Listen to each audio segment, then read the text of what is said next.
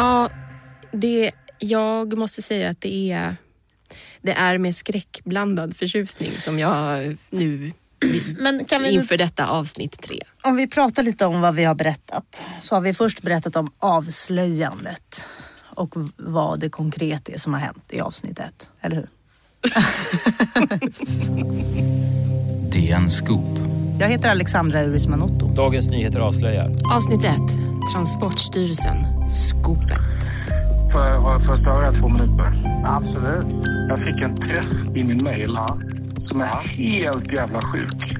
Helt sjuk. Jag tänker du är väl ansvarig utgivare nu, det här måste du. Ja, Kom du ihåg Transportstyrelsens dåvarande generaldirektör som fick sparken helt plötsligt? Avsnitt två, Transportstyrelsen, regeringskrisen. Ja, Det som har skett i Transportstyrelsen det är ett haveri, det sa jag igår och det står jag för. Avsnitt tre, Transportstyrelsen, summeringen. Det den kommer alla klicka på. Ja, alla kommer vilja här Summary in English. Should we do this in English? IT-skandalen på Transportstyrelsen. Detta har hänt. Let's sätta ihop det här Ja, i någon slags begriplighet. Vi har försökt i två avsnitt att göra det begripligt och nu ska vi försöka göra det begripligt i avsnitt tre. Vad skönt. Ja men då är det, det är kanon. vi är på banan. Men avslöjandet handlar ju liksom egentligen om, det är ju, det är flera steg där. Kristoffer Erstadius som fick fram det första skopet om förra generaldirektören Maria Ågrens straffföreläggande. Dels först att kunna identifiera att det faktiskt var det här som var skälet till att Maria Ågren hade fått sparken. Men det är ju så många fler dimensioner av det här. Hur är det möjligt att det här egentligen kunde hända? Hur kunde outsourcingen ske? Eh, trots liksom alla larm som, som, eh, om att det här inte skulle vara olämpligt. Hur kan en myndighetschef sätta en, namnunderskrift på ett dokument där det står att hon har för avsikt att bryta mot lagen? Det var många, många, många sådana här ehm, frågor som vi tyckte var väldigt, väldigt konstiga. Och vår, vår granskning eh, har ju visat att det funnits en bristande säkerhetskultur på både Transportstyrelsen men även på regeringskansliet där man ju inte tog de här frågorna på tillräckligt stort allvar. Jag, eh, Det här är Sandra Löv, jag har tänkt tillbaka. min producent. Ja. Kommer du ihåg vad vi började med allra, allra först? Nej. Ja. För att vi fick uppdraget ja. och sen så var första frågan vi sa, varför? Varför ska man ens bry sig? Har du svar, svaret på det? Nej. För mig så var det en ögonöppnare, eller öronöppnare då, eller vad man ska säga, när vi pratade med Mikael Holmström. Sen följer efter då, följer då eh, 17, 17 utländska namn. Mikael Holmström, den reporter som fortsatte att gräva i historien om Transportstyrelsen och fick fram informationen om att Sveriges hemliga agenter riskerade att röjas. på de som har, eh, har haft tillgång då till eh, systemen. Och han Eh, bläddrade igenom pärmen med förundersökningen från Säpo. Och han blev så himla Ja, förbannad. igen ja, när, när vi satt. När vi satt och... Ja, när han, att Pratade han blev arg en gång till ja. Fast han har läst den hundra gånger säkert. Ja. Okej, och då har du, du sliter upp den här redan vid posten och sen... ja, då ser jag alla de här namnen som IBM har begärt att få, få eh, och godkänt att de ska få tillgång till. Och då ser jag att ja, men herregud, det här är inte klokt. National NCR Serbien.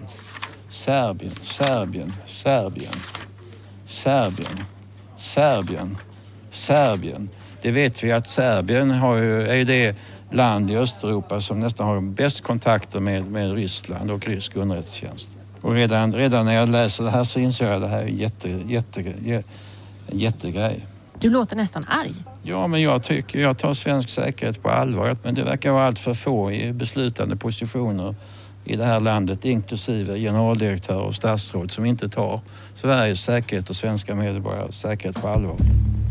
Du Alexandra, Ja. du var väldigt eh, som besatt här i början när vi började jobba om Ja, men det- hemliga agenter. Det var någonting. Dels så är det ju något som är så kittlande med att det ens finns hemliga agenter. Det känns som något som bara finns på film. Men bortsett från det då, som kanske i och för sig var en ganska stor del av varför jag blev så exalterad, eh, så det finns ju en utsatthet ju i de, de personerna. De är ju direkt drabbade på något vis. Alltså det, det finns någonting sårbart i dem. Och vi kommer ju aldrig få veta vad som hände, om det hände något ens med dem. Men, men bara det faktum att de hade kunnat röjas. Att det kanske var så att staten som ska säkra deras liv liksom har schabblat med uppgifter som, ja, som kunde riskera deras liv verkligen. Själv så väntar jag på eh, spionromanen. Någon som, om någon som om skriver den. agenten, ja precis. Påhittad då antagligen, men det kan man ju aldrig veta. Ja, Nej det. men om agenten som blev röjd i, i eh, det. IT-läckan från Transportstyrelsen. skriva. Ja, Ja. sätt igång. Ja. Du kan ju grundmaterialet nu. Sitter det eh, utländska underrättelsetjänster nu med en kopia av det svenska körkortsregistret med foton just på de här personerna som de inte ska veta hur de ser ut. Eva Stenberg, politisk kommentator på DN. För man kan naturligtvis byta namn på folk men det är ju svårt att byta utseende på människor. Där har ju polisen och försvaret sagt att de utgår från det. De får agera så. Och då är det ju personer som sannolikt är väldigt duktiga källdrivare som de inte kan använda längre och då har det ju skadat. I absolut värsta fall kan ju någon till och med ha blivit anhållen, kvar, pressad, utpressad, skadad. Eh, källor kan råka illa ut. Det ju, många av de här som jobbar utomlands är ju källdrivare och har ett källnät av agenter som tar reda på saker och förser dem med information. Och de människorna är ju kvar i de här länderna.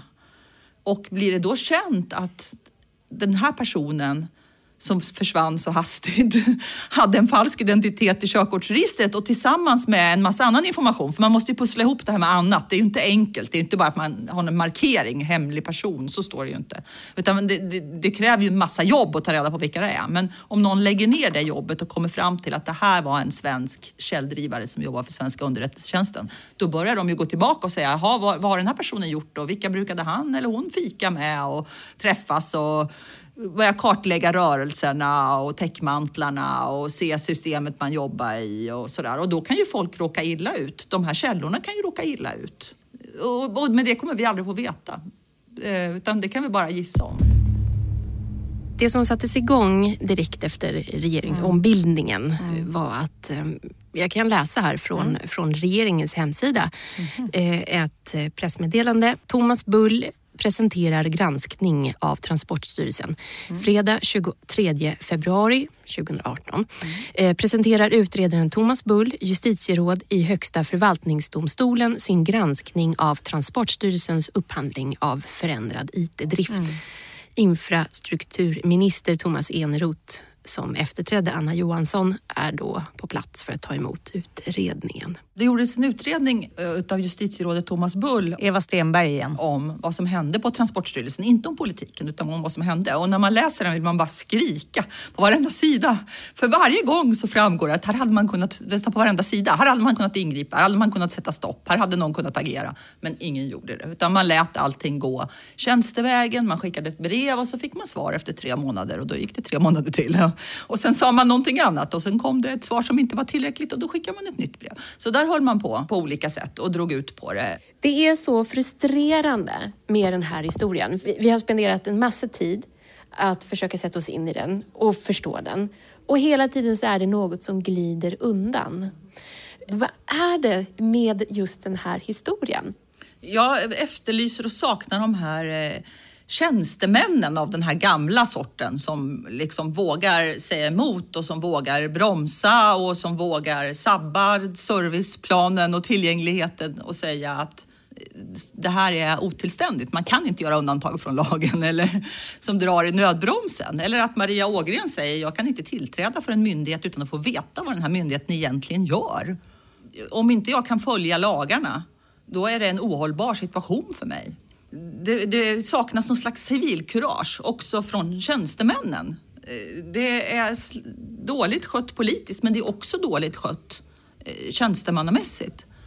Eh, De har fått sin styrning från politikerna men det finns naturligtvis en ram där man säger att det är helt orimligt att strunta i lagar för att kunna uppfylla någonting som man tycker är ett politiskt önskemål. Så kan man faktiskt inte göra.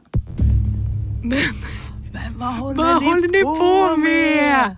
Varför stoppar ni det inte? Varför sa ni inte nej? Just det. Så som vi lever våra liv så ska man väl säga ifrån när någonting är fel. Ja. Och i det här fallet så är det så många instanser där, där hela eh, eftermälet och, och hela riktningen på historien hade kunnat gå på ett helt annat sätt. Det, ju, det tycker jag är ett väldigt stort frågetecken och ett väldigt stort misstag av Stefan Löfven i det här. Att han inte informerade oppositionsledaren. Om han hade kallat till sig Anna Kinberg Batra i januari när Maria Ågren fick lämna sitt jobb och förklarade i största förtroende under stor ekret- sekretess. Det här handlar om rikets säkerhet. Det är en allvarlig händelse men det skulle skada svenska intressen om den blev känd. Men jag vill ändå att du ska veta att så här ligger det till. Och vi kan inte svara på alla frågor men det här arbetet pågår. Skulle då det blivit samma efterspel med misstroendevotum och regeringskris och allting sånt? Eh, jag har lite svårt att tro det. det. Det hade varit ett skickligt sätt att hantera det. Han hade sytt upp oppositionsledaren, gett henne också information. Hon hade haft svårt att stå där och säga jag är så upprörd, varför har vi ingenting fått veta? När hon hade fått veta. Det är så märkligt det där med frånträdande av ansvar på något vis. Att när folk bara skjuter runt ansvar istället för att, som liksom, man kan ju också som människa se sig som ansvarig för vissa saker. Vare sig man har en position att vara det eller inte. Och det, det verkar ju alldeles tydligt som att det inte är någon som har sett det så här utan att alla har försökt tänka att det är knutet till en viss position det där ansvaret. Istället för att bara flagga. Men det finns en särskild logik i politiken som är svår att förstå ibland. Som inte är min logik. För där har vi en annan sak som jag har reagerat så himla på när vi har gjort det här. Och det är den här äh, grejen med att äh, en slags socialdemokratisk kultur. Eh, Och jag vet inte om de andra partierna gör så eller politiker överlag gör så. Att man informerar inte sin överordnade. Nej, och är det för att skydda kanske den personen just i ett senare skede? Att man kan säga, jag visste ingenting. Precis som de har kunnat göra i det här fallet, flera av dem. Att "Nej, men jag visste inget förrän då. Ja, och sen så vill man ju heller inte bli, hamna i en situation man då i något fall har agerat. Det finns ett pappersspår där det visar sig då liksom att eh, en statsminister eller någon, någon annan minister eh, har, har gett direktiv i ett visst läge Nej. långt tidigare och inget då har hänt och sådär. Och det känns outtalat, det känns som något som, att det bara är så. Eller tror du att det är liksom en order när man anställs att så här gör vi? Stefan Löfven under den här första presskonferensen Det är traditionell eh, förvaltningskultur i Sverige. Vi gör så, vi har den ordningen. måndag 24 juli 2017. Eh, Myndigheter har sina ansvarsområden fullt ut. Eh, respektive departement och statsråd har ansvar för, för sina myndigheter. Och då har vi också den ordningen och den tycker jag är bra. Att även i svåra stunder så är det samma myndighet och samma departement, samma statsråd som har, har ansvar. Då byter man inte det. Men självfallet är det så att ett beslut behöver tas av regeringen som jag måste vara inblandad i och känna till och vara med i beredningen av. Då kommer informationen. så, så får han fråga om det här. Nu säger du att du hade velat haft informationen tidigare och detta berör ju ändå rikets säkerhet. Hur kan du ha en sån organisation i din regering att, att du inte nås av sån här viktig information? Jag fick ju den när, eh, precis vid det tillfället som jag sa i januari, när det, när det delgavs misstanke om brott. Då fick vi den. Eh, under tiden så har, så har informationen eh, funnits i regeringskansliet om den här tillsynen, om förundersökningen. Men man kan inte dra slutsatser från den, en förundersökning att det faktiskt är ett brott begånget. För en förundersökning inleds innan man har någon som är misstänkt för brott för att se om man ska inleda också en undersökning mot en person. Så det finns olika skeden i detta och då är det viktigt att se också när har vi den hela bilden av, av eh, det som har hänt och den har vi nu sent för sommaren 2017. Alltså jag blir, det, man blir helt galen. Samtidigt så säger man då det är den personen som är ansvarig och den personen säger jag visste ingenting och då blir det som att ingen riktigt tar ansvar för någonting. Ja.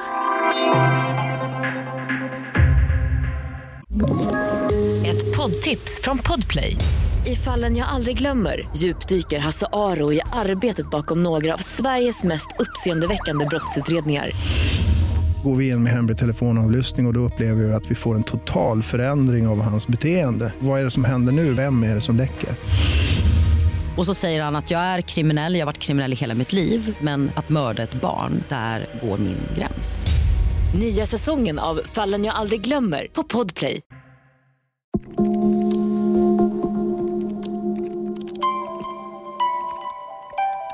Scoop. Har du sett den här äh, Grotesco? Äh, Ygeman, Ygeman, Ygeman. Ygeman, Ygeman, Ygeman, Ygeman, Ygeman. Jag säger i förtroende vid nått ruinens rand. Varenda flyktingboende står ju snart i brand. Ygeman, Ygeman, Ygeman.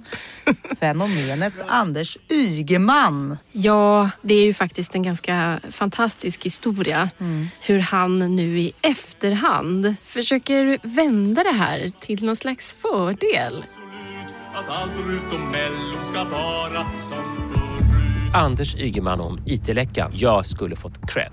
Att han eh, i efterhand försöker få det till att han var en av de som agerade. Före detta inrikesminister Anders Ygeman, socialdemokrat, säger att han själv och Säkerhetspolisen borde ha fått mer cred för sitt arbete under den så kallade Transportstyrelseskandalen. Jag var ansvarig för den myndighet som avslöjade det här, säger Ygeman under en intervju med Dagens Nyheters ledarskribent Amanda Sokolnitsky. Ygeman fick vetskap om IT-läckan nästan ett år före statsminister Stefan Löfven, men valde att inte ta informationen vidare högre upp. Den information jag hade var inte av den karaktären att den behövde delge statsministern vid det tillfället. Ansvaret för att delge statsministern information om missförhållanden på Transportstyrelsen ligger på näringsdepartementet och jag säkerställde att de hade den informationen, har han tidigare sagt till DN. Var du arg innan du började läsa på så här mycket? Ja, men min, min syn på Transportstyrelsehistorien innan jag började läsa på det var outsourcing-prylen som, som var hooken. Och sen så, så hängde jag ju med ändå. Det, när det var sommar, det var sol, det var regeringskris. Så det, så här, det pågick och jag bara, ja nu har de den pressträffen och ja nu så protesterar de mot det. Jaha, ska de avgå? Okej. Lite sådär. Eh, Men samtidigt så, den här frågestunden efter den första pressträffen, när man bara känner att de svarar på frågorna efter bästa förmåga. Men vad befriande det skulle vara med en politiker som bara, shit vi har gjort så mycket fel. Försvarsminister i min regering är Peter Hultqvist. Um, DNs Karin Eriksson analyserar. Det är klart att om man tittar på vad som hände just vid den här tiden i svensk politik så var det Anna Johansson som fick gå. Det var en kvinnlig generaldirektör, Maria Ågren, som fick gå. Så småningom, lite efter de akuta veckorna i juli, så blev det ju ett bondeoffer som det kallades då för att Peter Hultqvist skulle kunna stanna, nämligen att Emma Lennartsson som var eh, Stefan Löfvens statssekreterare och en jätteviktig rådgivare, hon fick också gå. Och det presenterades väldigt mycket som, ja där gick hon för att rädda Peter Hultqvist. Och där kunde man fundera över, hon hade varit en väldigt, väldigt viktig person för Stefan Löfven i valet. Om hon, varför, varför man inte skrev mer om henne som tung rådgivare och vad hon hade betytt och varför det var så lätt att kicka henne. Och i samma veva slutade med att Anna Kinberg Batra också fick gå. Det var ju absolut inte bara på grund av hanteringen av Transportstyrelsen men den bidrog ju lite. Det, det var en, en missad chans och ett tillfälle hon inte lyckades hantera. Och sen någonstans under den här i närtid blev det också så att en partiledarstrid avgjordes i Liberalerna och det slutade med att Birgitta Olsson lämnade politiken. Så det här var på så många sätt inte kvinnornas sommar och höst i svensk politik. Det reflekterade jag lite grann över då. Sen det är ju jättesvårt att dra några generella slutsatser av det men att det absolut vid något tillfälle fanns ett mått av manlig pondus i den här historien. Det vågar jag nog säga. Det var så tydligt på den där pressträffen när Stefan Löfven och Peter Hultqvist stod där som tegelstenarna i mitten. Det står här i manus, vad fan gjorde inte Säpo mer för? Är det det du tänker att vi ska gå in på nu? Ja, det tycker jag. För att ehm, ja, det, det är en sak som jag har undrat genom hela, hela den här historien. Säpo, eh, de hade ju ganska tidigt, liksom bara någon vecka eller till och med ganska direkt när eh, Maria Ågren har skrivit på papperna om att göra avsteg från, från lagen och i, i samma veva som det börjar komma in eh, IT-tekniker som inte är säkerhetsklassade in i lokalerna. Så eh, har Säpo reda på det. En sak som jag inte hade tänkt på, för att jag kanske också är lite naiv, eh, det är ju det att eh, Säkerhetspolisen ska ju inte gå in i en myndighet och rota runt. Nej. De ska ju inte gå in och styra och ställa vad myndigheter gör. Nej. För så vill man ju inte ha det. I det landet bor vi inte. Säkerhetspolisen, Anders Thornberg, varsågod. Tack så mycket. God eftermiddag. Lite om Säkerhetspolisens eh, uppdrag. Säkerhetspolisen har som uppgift att kontrollera säkerhetsskyddet hos civila myndigheter. Tillsynsansvaret innebär att vi granskar verksamheten och ger råd och stöd. Vi får inte bestämma vad myndigheter ska vidta för åtgärder. Det är i första hand upp till eh, varje eh, respektive myndighet att fatta sådana beslut. Men det finns ändå någonting här att Säpo inte kanske agerade så kraftfullt som de skulle kunna gjort. De fick ju som sagt redan i maj 2015 information om att generaldirektören hade frångått lagen när det gällde säkerhet. Analys av DNs Eva Stenberg. Det Säpo ska göra det är ju att kontakta sitt statsråd eller sitt statsråds statssekreterare och säga att här har vi ett allvarligt problem för svensk säkerhet. Därför att här sitter det en generaldirektör på en myndighet som har hemligheter, viktiga hemligheter begravda i sina register och struntar i lagen om, om säkerhet. Eh, och sen skulle ju den ministern, nämligen Anders Ygeman, ha gått till sin ministerkollega, nämligen Anna Johansson och sagt att så här kan det inte vara, utan nu får vi bromsa den här outsourcingen och ta det här från början och göra om det på rätt sätt.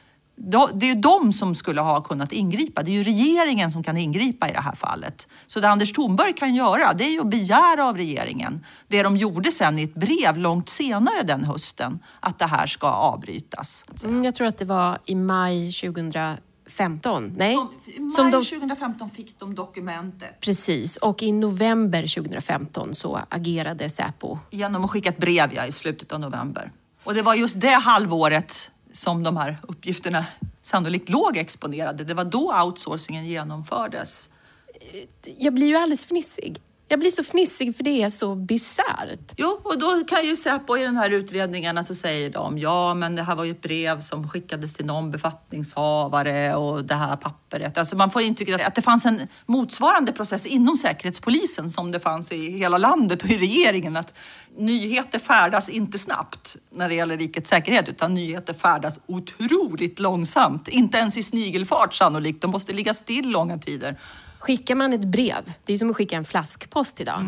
Ja, men, men just att, det här, att de har kopian på dokumentet och att det inte snabbt landar hos Säpo-ledningen som säger här måste vi agera, humle humle hum. Man tycker att det borde ta liksom en dag eller någonting sånt. Men Anders Thornberg, han är ju inte Säpochef längre. Är det en placering snett åt sidan? Nej, absolut inte. Det är en befordran att han får bli rikspolischef. Jag vet inte om du kände till den här grejen. Varför stoppade man inte outsourcingen? Det är också en sån här fråga som, som vi hade redan i början. Som vi inte riktigt har besvarat heller, eller? Nej, men lyssna på det här ur, eh, ur en text som eh, Eva Stenberg har eh, skrivit. Ändå lyckades ingen avbryta outsourcingen trots att Trafikverket, som skötte IT-driften åt Transportstyrelsen tidigare, har sagt att det hade varit möjligt. De hade kunnat ha kvar den hos dem. Trafikverket hade kunnat ha kvar driften. Mm. Då hade inget av det här hänt. Nej.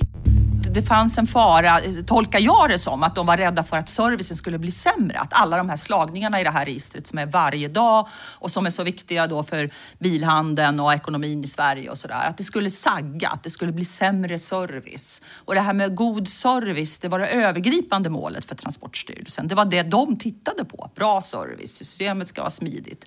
Och säkerhetsfrågorna var så nedprioriterade, de var inte intressanta. Så att eh, tittar man ur ett säkerhetsperspektiv är det ju helt obegripligt som du säger. Varför lät de det inte vara kvar då när de säger att de kan ha det ett tag till? Men ser man det ur det här serviceperspektivet, ja men då blir det plötsligt logiskt. Säkerheten är inte så viktig. Det var ju därför man skulle outsourca för att systemet börjar bli lite saggigt och nu skulle det kunna bli ännu saggigare då eftersom det var folk som var på väg att sluta och sådär. Så jag, jag tror att det var, det var ju en, en styrning av myndigheten, att man säger att det är servicen som är viktig. Regeringen hade ju inte gett de här signalerna riktigt att IT-säkerheten är jätteviktig. De hade ju inte kommit. Mm. Har, är det någonting vi har glömt? Säkert, det finns hur mycket som helst. Jag ska titta om det var, jag bara skrev några... Nej, det var, det var en sak, jag vet inte om det är liksom... eh, Kristoffers fick ju loss en... Den granskande reportern Kristoffer Stadius. En rapport från Transportstyrelsen där de skrev om hur de hade jobbat med IT-säkerheten efter det här hade avslöjats. Det här var ju när allting var offentligt. Trots att allting faktiskt avslöjades att, att Maria Ågren fick gå så fortsatte ju de här bristerna väldigt länge.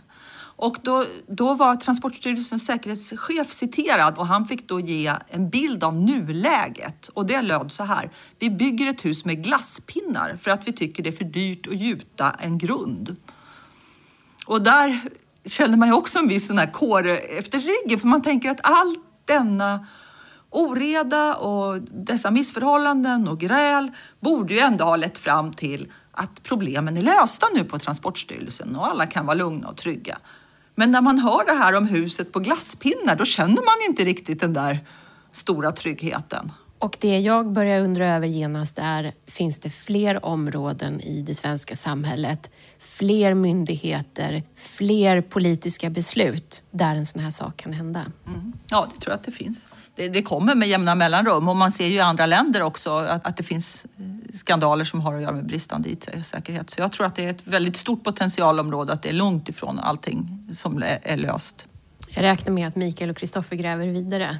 Det gör jag också. DN Scoop. Du har hört mig, Alexandra Urisman Otto. Och min producent, Sandra Löv. Jag har en annan sak. Ja, ja, ja.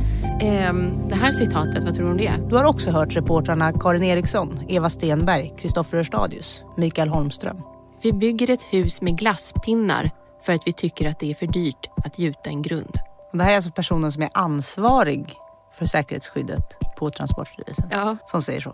Klippte gjorde Sandra Löv. Musik och slutmix av Beppo. Efter skandalen. Mm. Exekutiv producent Augustin Erba. Ansvarig utgivare Peter Wolodarski.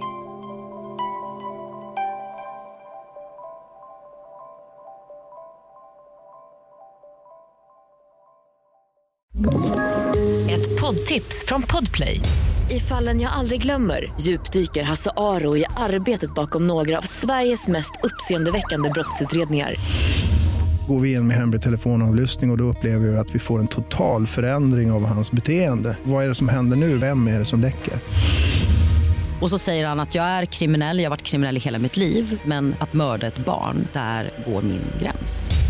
Nya säsongen av Fallen jag aldrig glömmer på Podplay.